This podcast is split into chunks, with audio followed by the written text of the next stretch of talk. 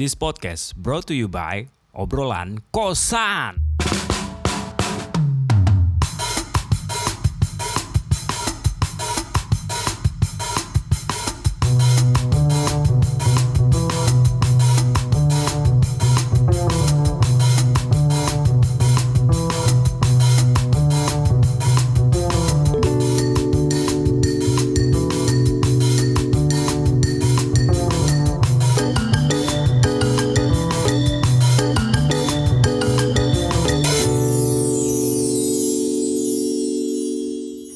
Di obrolan kosan malam ini gua lagi ditemenin sama Munaroh yang ada di ujung sana.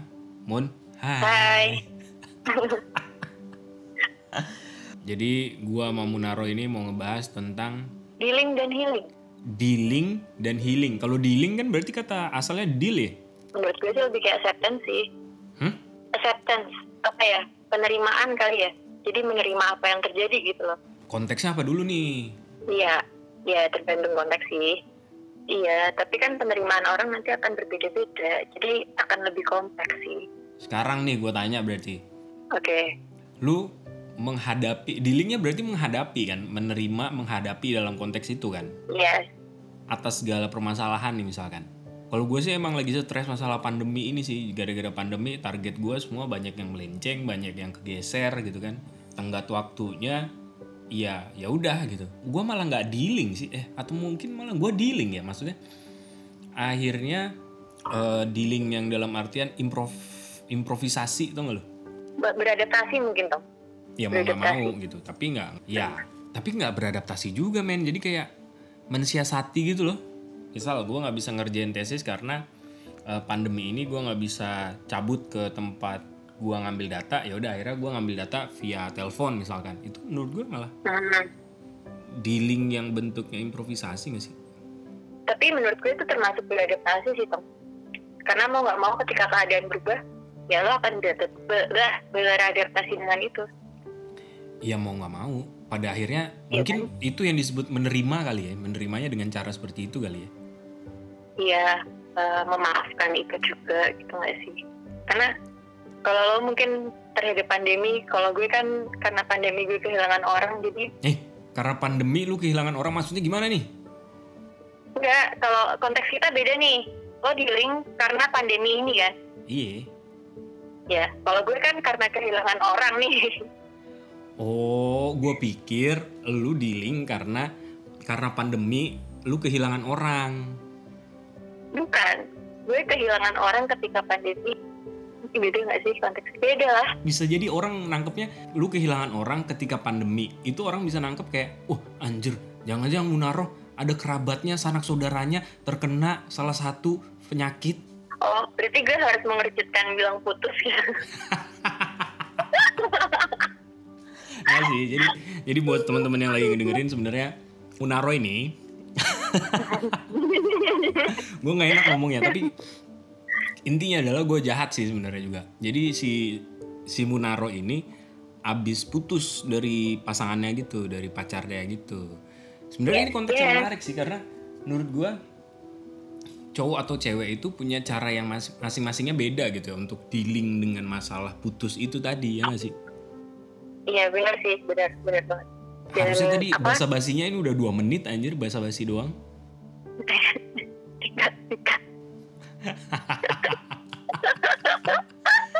aduh Dikat lah, dikat. sikat aja ya Iya boleh lah. Dikat. gue harus nanya juga nggak kenapa lu bisa putus nggak usah lah ya Gak usah sih, menurut gue itu terlalu personal ya. yaudah Kayaknya putus dalam keadaan pandemi itu kayak healingnya itu akan seperti apa atau dirinya akan seperti apa dengan diri lo sendiri. tapi kayaknya kalau misalkan tidak dikontekstualisasikan sama yang namanya pandemi yang namanya putus pun juga kita harus dealing sih maksudnya putus kan bisa terjadi kapan aja dan di mana saja oleh siapa saja Iya sih, tapi maksudnya kan ketika pandemi lo akan lebih stressful tuh, lebih terpressure gitu. oh iya sih karena Iya kan? Iya. Soalnya kan udah ke ketekan sama kondisi saat ini, terus ketekan sama ya ibaratnya itu jadi numpuk sih permasalahannya. Oke semua yang mendengarkan, mari kita ucapkan semangat untuk Munaro. Semangat enggak ding. Nanti. Terus gimana ya jadinya? Lu dealing dengan permasalahan itu gimana? apa ya pada akhirnya gue menerima apa yang terjadi itu dengan mengakui kesalahan gue sih mengakui kesalahan ya memang itu salah gue gitu caranya cuma salah gitu lu? Eh, Kok gue jadi sotoy? Kan gue nggak tahu ceritanya. iya dan memang menerima kayak apa ya bagian-bagian yang memang sebenarnya tuh nggak bisa gitu. Maksudnya? maksudnya gini eh gue pasangan sama pasangan gue ini udah lumayan lama lah. Katakanlah hampir 8 tahun gitu. Dan ada hal-hal yang memang gue paksakan untuk biar lanjut. Padahal sebenarnya itu gue paksakan. Gue bisa menerima itu karena banyak hal-hal yang ternyata mungkin kita nggak cocok. Atau mungkin eh, gue harus memulai semua dari awal untuk membentuk kepercayaan gitu loh untuk memperbaiki diri memperbaiki diri gitu gitu sih Taruh dulu. Posisinya nih misalkan ya. Gue sih nangkepnya kalau dalam hubungan asmara kayak gitu ya. Asmara, anjing. Agak klise, agak apa namanya ya. oke enggak enggak relationship oke relationship gue kan sad boy gitu. Nggak maksud Oke, gue. Kalau gue lihat ya, gue lihat-lihat nih ya kan. Hmm, Dan gue rasa-rasa yang namanya pacaran atau apa pun itu. Keputusan yang ada di dalam hubungan itu berdasarkan lu sama dia. Ya gak sih? iya. Maksud gue berarti iya. lu nggak bisa bilang lu memaksakan gak sih?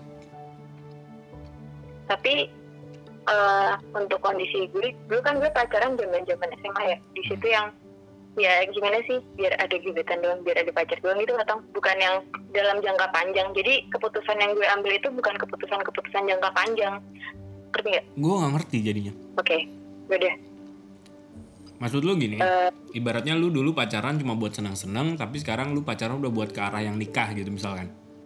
iya, Hmm, Oke, terus? Iya, ternyata ketika kita menjalani itu sekian lama, banyak hal-hal yang memang nggak cocok gitu.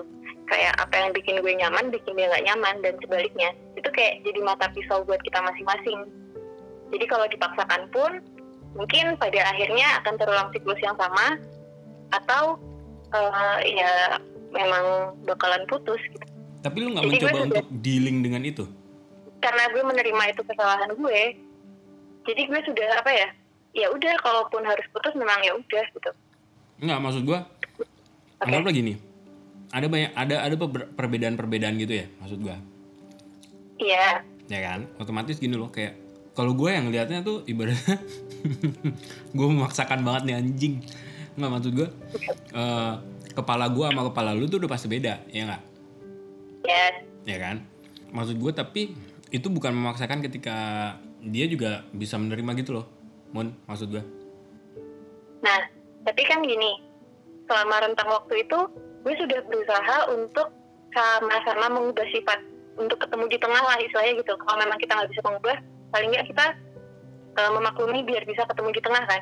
Mm-mm, betul betul itu maksud gue Nah, sudah mencoba, tapi ternyata pada akhirnya memang nggak bisa. oke akhirnya lu ya udah lah ya gitu kan Iya, iya gitu.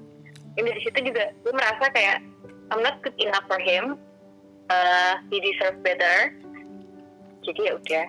intinya intinya udah lah gitu kan nah tapi gue pengen nanya nih saat awal-awal lu lu dapet apa eh, ya jadi Rutin.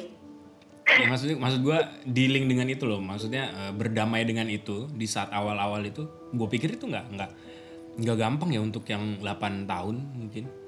Of course maaf. Eh, jelas itu menurut gue berat sih. Lu nangis kejer nggak sampai Jogja tenggelam?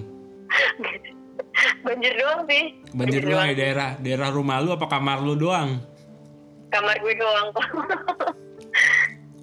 ya lumayan banjir lah banjir. Sampai bengap muka gue. Gue yakin dalam 8 tahun itu kan so much memory ya nggak sih? Anjing lah. Kenapa lu merewind iya soalnya biasanya itu maksud gue kalau gue ya nggak tahu ya kalau mau buat laki-laki yang di luar sana ya gitu. Sebagai seseorang yang sudah pernah merasakan yang namanya putus ya anjing. Mohon Edi yang ngedengerin jangan diambil ini ya jangan diambil langsung mentah-mentah ya maksudnya sebagai orang yang udah pernah merasakan putus maksud gue tuh ah, proses awal pertama kali itu pasti susah banget bro. Karena banyak banyak ingatan kan maksud gua. Jelas jelas terlepas itu Di mana pun. ingatan yang baik ataupun buruk ya. Iya. Dan kalau udah pacaran lama kayak semua tempat tuh bisa jadi kenangan gitu. Bahkan jalan-jalan ketika lo pulang kampus ya ya banyak lah gitu. Hmm sedih. Terus? Hmm. Cuman gue pasti tiap gue habis merasakan putus sih gue akan nangis sampai bosen sih tong terus sekarang udah bosen? Udah bosen. Udah udah gak nangis sih. Gue akan lari ke sebuah pelampiasan juga sih. Dalam konotasi yang baik ya. Gue ya gue pikir semua dealingnya dengan gitu deh. Maksud gue gue pernah ngalamin putus yang ibaratnya ya udah gitu. Gue pergi sama teman-teman gue gitu. Tapi kan tergantung pribadi masing-masing tong maksudnya tidak semua orang tuh dengan pergi dengan orang lain dia akan baik-baik saja. Atau mungkin eh, apa ya proses healing untuk orang tuh berbeda-beda tiap orang.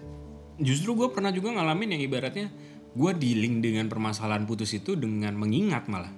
Sampai bosan sampai capek sampai ibaratnya gue dulu kan? Hmm maksud gue tidak semua eh tidak semua perempuan tidak semua laki-laki di luar sana itu brengsek ya walaupun kebanyakan brengsek ya kan? Ibaratnya Iya. yang putus ya udah gitu tapi ada beberapa juga yang ibaratnya ya putus ada nangisnya juga lah ya kan? Ada mengenang-enang juga lah kan? Dan bukan berarti dan bukan berarti laki-laki itu cengeng kayak gitu sih Yang- ya itu kan masuk perasaan orang sih ya intinya. Menangis Yes. itu tidak apa-apa. Iya, ketika lu putus gitu kan kadang otak manusia itu ibaratnya dia punya apa sebutannya self defense mechanism enggak ah, kayaknya. Ya ada sih kayaknya ada self defense lebih ke denial bukan bukan sih? Nah itu loh denialnya itu loh jangan denial menurut menurut gue sih jangan denial. Ketika denial perasaan itu akan stuck sampai di situ doang. Ngerti gak sih? Kayak lo nggak ngerasa salah. Iya, tapi fase pertama tuh pasti denial bro. Iya iya iya. Dalam tahapan healing memang denial. Terutama gini deh. Eh sebelum tahapan dealing lah eh sebelum tahapan healing ataupun dealing itu ya ibaratnya. Lu lagi ya dealing dengan dengan permasalahan itu ibaratnya kayak lu menyampaikan keluh kesah lu kehadap pasangan lu misalkan gitu kan terus lu bakal ngobrol ih gua nggak suka di sini dua gua nggak suka di sini gua kayak gini gini gini gini. Itu menurut gua juga bentuk-bentuk yang denial gitu loh karena menurut dia dia benar menurut gua gua benar gitu. Ngerti nggak lu? Iya iya gue paham gue paham. Jadi kan gue paham jadi kan perspektifnya pasti udah beda dan ketika ego di situ udah ngambil peran ya menurut gua kayak saling menyalahkan kan jatuhnya. Nah saling menyalahkan itulah yang menurut gua ju- justru apa ya ibaratnya? Ya terus habis itu biasanya ya biasanya nih gua nggak tahu ya terlepas dari laki-laki ataupun perempuan biasanya orang itu ibaratnya kayak habis itu dia langsung cerita ke temennya dia berharap mendapat persetujuan dari teman-temannya gitu kan. Walaupun beberapa juga ada yang bilang persetujuannya itu dalam artian gini loh kayak dukungan eh, kalau dia iya benar gitu. support ah denying terus su- cari support abis itu baru deh ngerasa kayak apa namanya ya introspeksi diri gitu kan. Iya iya. Menerima. Emang lu gitu Mun? Gue sih bukan denial karena gue merasa memang itu kesalahan gue dan memang nggak bisa dipaksakan lagi sih.